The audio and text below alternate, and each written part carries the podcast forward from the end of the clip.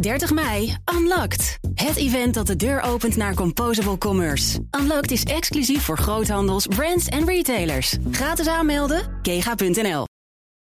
Den Haag.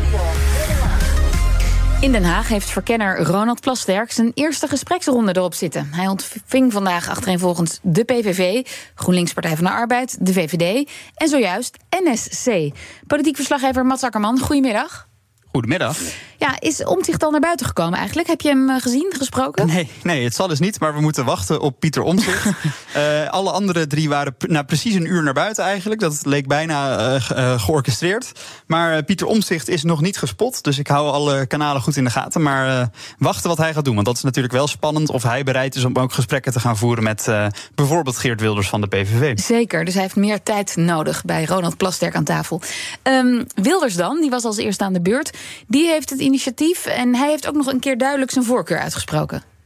Ja, eigenlijk wat we al wisten van Geert Wilders. Hij wil een kabinet over rechts. Ik heb hem uh, de suggestie gedaan om um, uh, te onderzoeken en te kijken of het mogelijk is dat op wat voor manier dan ook de partijen, uh, mijn eigen partij, de PVV, samen met BBB, NSC en de VVD.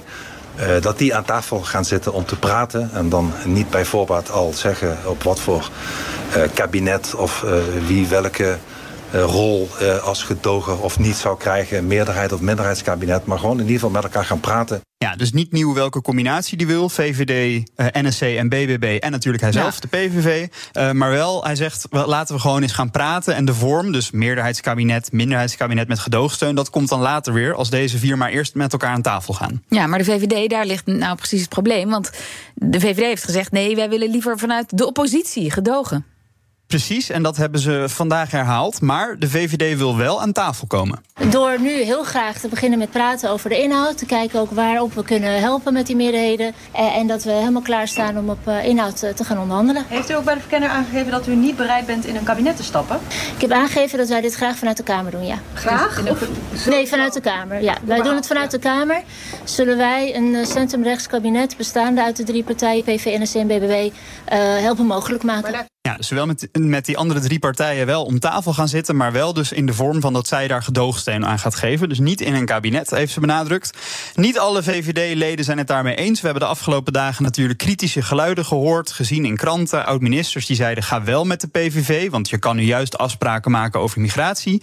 Um, en dit is wat Jesse dus over die bijeenkomst vanavond te zeggen had. De leden, en dat wordt sowieso een interessant gesprek, uh, en dat hoort ook zo, dat de leden ook daar allerlei ideeën over hebben, dus daar kijk ik naar uit. Um, maar uiteindelijk, alle leden die ik tot nu toe heb gesproken, of ze nou voor of tegen en alles, die zeggen: zorg dat je op inhoud dat verschil maakt. Nou, daar ben ik helemaal klaar voor om te beginnen met onderhandelen. Dat kan, wat mij betreft, uh, vanavond. Maar ze willen ook dat u in een kabinet stapt. En ze willen vooral dat we onze verantwoordelijkheid pakken. En dat doen we. Dat doen we zeker. Ja, en let dan wel even op de woordkeuze. Hè. Ze zegt de leden die ik heb gesproken, die zeggen mm -hmm. maak het verschil op de inhoud. En die zeggen dus niet per se stap in een kabinet. Uh, maar we weten niet met welke leden zij allemaal gesproken heeft natuurlijk. Nee, nou we hebben ook een ander VVD-lid uh, bij ons. Paul Slettenhaar, lid van de partij en ook van de, de groep Klassiek Liberaal binnen de partij. Goedemiddag. Goedemiddag. Ja, eerst maar even de vraag. Bent u uitgesproken voor de samenwerking met de PVV in een kabinet?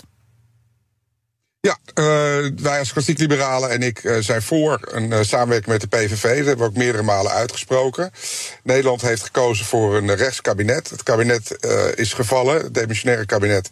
Over asiel. Hè. Er zijn geen afspraken te maken met die partijen over asielbeleid.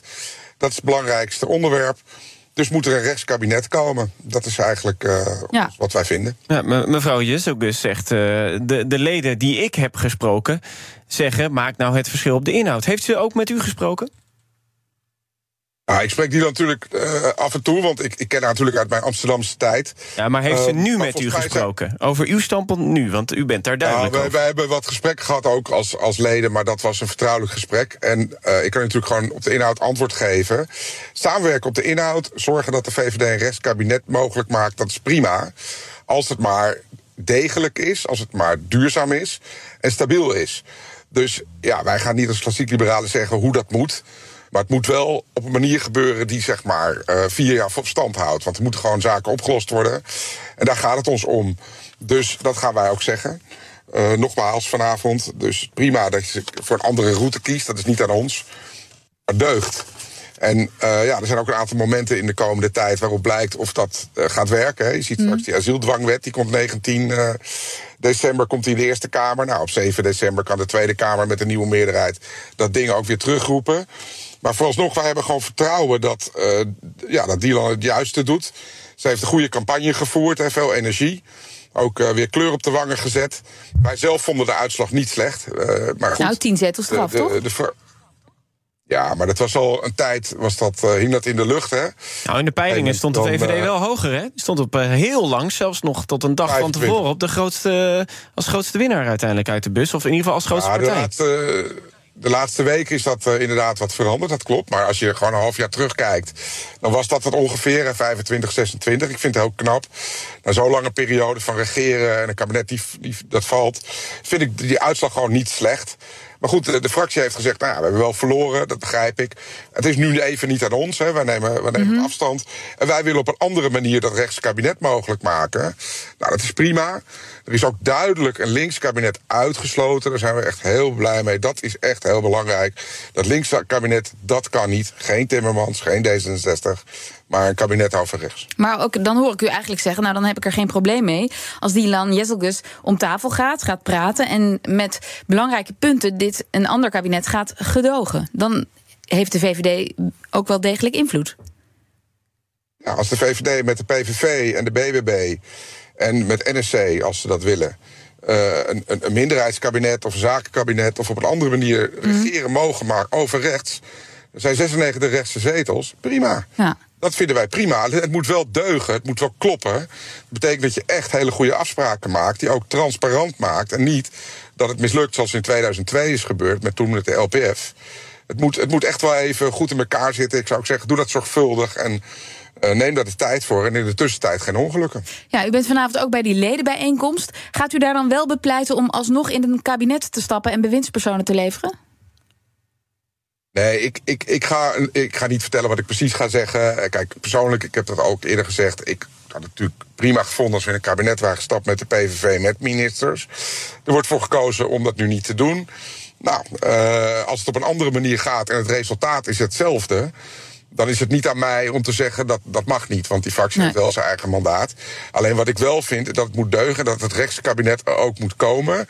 en kans heeft om vier jaar goed te regeren. Ja, en als maar ik hoor u ook zeggen, ik spreek, ik spreek Dylan regelmatig. Nou, uh, mevrouw Jessicus heeft ook gezegd... de fractie en ik, die bepalen het. Uh, ja, heeft u het gevoel dat ja. zo'n gesprek... dat er überhaupt nog wordt geluisterd naar wat er in dat gesprek gezegd wordt? Want het klinkt uh, elke keer bij ons heel erg... alsof ze al besloten heeft wat ze definitief gaat doen. Ja, maar wij, onze partij die heeft vaak van dit soort bijeenkomsten... en die zijn behalve gezellig ook heel nuttig. We zeggen elkaar ook de waarheid en er wordt echt wel naar geluisterd. Zo is dat ook gegaan uh, met het vorige kabinet. Dus kwam een ledenvergadering. Die worden steeds inhoudelijker. Dat heeft u ook gezien, er worden moties ingediend. Dus ik heb heel veel vertrouwen in dat ledenbijeenkomsten niet voor niks zijn. En dat daar een open gesprek plaatsvindt. De, kijk, uiteindelijk bepaalt de fractie het. Zij zijn gekozen. Deze mensen zijn ook door de leden op de lijst gezet. En die leggen daar verantwoording over, over af. Maar het is hun mandaat. Dus wij kunnen ze geen opdracht geven. Zo werkt het ook niet. Toch uh, heeft u het ook over stabiliteit. En uh, we hebben ook gezien aan het vorige gedoogkabinet...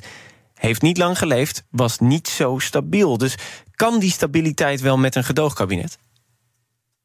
Nou ja, ik heb op lokaal niveau vier jaar gewerkt met een uh, minderheidscoalitie. Dat noemden we toen een raadsakkoord. Dat ging prima. Ja, maar gemeenteraden die kunnen niet vallen om vervolgens direct weer een gemeenteraadsverkiezing uh, te hebben. Dus dat moet eigenlijk ook wel. Kunnen wel nou, als wethouders kunnen wel weggestuurd worden hoor. Nee, nee, tuurlijk, dat, dat kan. Maar er komen niet nieuwe verkiezingen. Dat gebeurt wel in de Kamer natuurlijk. Dus dat is echt wel iets anders dan een gemeenteraad. Zeker, dat klopt. Alleen, ja, je hebt ook de Partij van Omzicht die zegt het moet dualer. Hè? Dus er zijn allemaal haakjes om te zeggen van nou, dit is niet, zeker niet kansloos. Dus je moet dat gewoon een goede kans geven. Ik heb er wel bij gezegd, doe het zorgvuldig. En leg er tussentijds ook wat verantwoording over af. Uh, zorg dat je daar uh, op een manier mee omgaat die duurzaam is. En die kans verslagen heeft voor de langere termijn. En ik ga natuurlijk niet na een paar dagen, als die verkenner net begonnen is, al roepen hoe dat precies moet. Want dat is niet aan mij. Maar om dat te zeggen dat het kansloos is, vind ik het andere uiterste. Ja, Mat.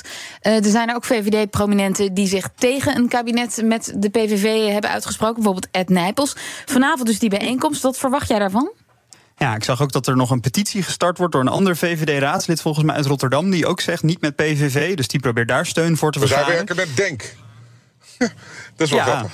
Dat kan ook, ja. Nou ja precies. Maar je ziet dus, het is, het, is een, het is een partij met veel, eh, ja, veel stromingen intern. En misschien dat we die afgelopen jaren wat minder hebben gezien... omdat eh, Mark Rutte duidelijk eh, in de lead was. En misschien dat mensen nu denken, nou, er is een nieuwe leider. Ze voelen zich wat vrijer om zich weer uit te spreken. Ehm, ja, ze zal in ieder geval duidelijk de koers moeten uitleggen. Want sommige mensen willen gewoon echt graag volwaardig in een kabinet stappen. En ze moet wel met een goed verhaal komen... waarom zij vindt dat deze optie met dat gedogen... dat dat een betere constructie is dan volwaardig meedoen. Dus eh, ja, ik ben ook heel benieuwd wat daar vanavond uit gaat komen. Dank, Paul Slettenaar, VVD'er namens de groep Klassiek Liberaal. Eh Mats, laten we nog even heel kort twee andere partijen doornemen. GroenLinks Partij van de Arbeid.